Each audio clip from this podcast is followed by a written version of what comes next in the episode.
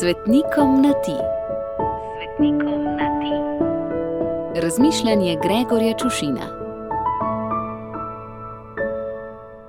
Ljubi moj sveti Bertolt.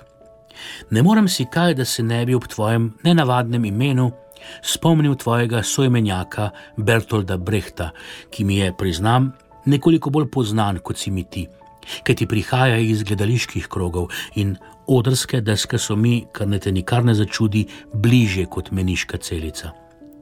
Čeprav pa ti moram po drugi strani priznati, da sem se kdaj pa kdaj v svojo gledališko garderobo umaknil kot puščavnik v svojo votlino. In nisem vedno bežal le pred nadležnostjo gledališkega vsakdana, ampak mi je kdaj pa kdaj prijelo tudi, da sem se odmaknil od družine. Ko premišljujem, se mi zdi, da vaju Bertolda druži več kot le skupno ime. Tudi teatrski Bertolt Brecht je izkusil kot ti, ljubi moj sveti Bertolt, grozoto vojne. Prve svetovne vojne in to izkustvo ga je zaznamovalo in pretreslo, kot je tebe pretresla izkušnja križarske vojne, iz katere si se po zaobljubi omaknil v samoto na goro Karmel. Teatrski Bertolt je predvsem znan po fau-efektu ki ga tisti, ki ne vladajo prehtove materinščine, nemščine, preberejo kot wow efekt. Gre pa za tako imenovani fremfrendungsefekt oziroma potojitveni efekt, ko se igralec z vlogo ne poistoveti čisto do konca, je ne igra, ampak jo komentira. In tudi ti, moj dragi svetnik, si verjetno požel kak wow komentar, ko si s prijatelji, somišljeniki sestavil stroga pravila in karmeličanski red poimenovan kar po gori, na katero ste se zatekli.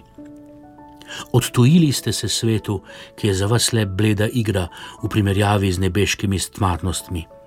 Mi, navadni smrtniki, pa to pač po svoje komentiramo. Teatrski Bertolt ni bil kak svetniški mož, se je bil pristaš revolucije in je tako tudi živel močno pa vplival na vse kasnejše dramatike, kot si s svojim načinom življenja vplival tudi ti, sveti Bertolt, na lahko rečem kar v svet. Se si, čeprav skrit v zavetju gore, bil revolucionar božje ljubezni in si tako tudi živel.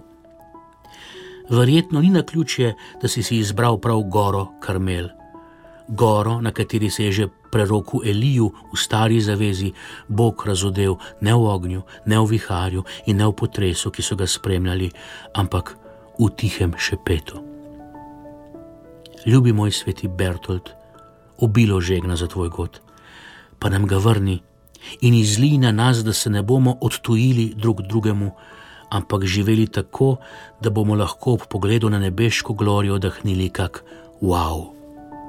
Gregor.